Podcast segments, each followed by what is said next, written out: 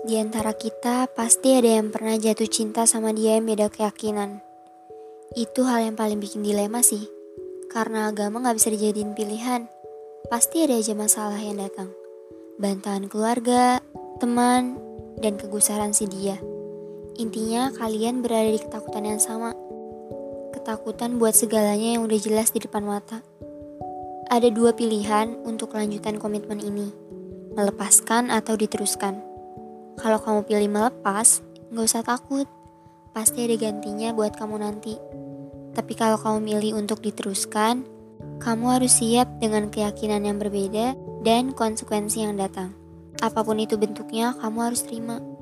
Tapi kalau dirasa nggak kuat, ayo berhenti di sini aja. Sebelum terlalu jauh dan sebelum kamu salah ambil keputusan. Karena menyesal pasti bakal ada setelah memutuskan pilihan.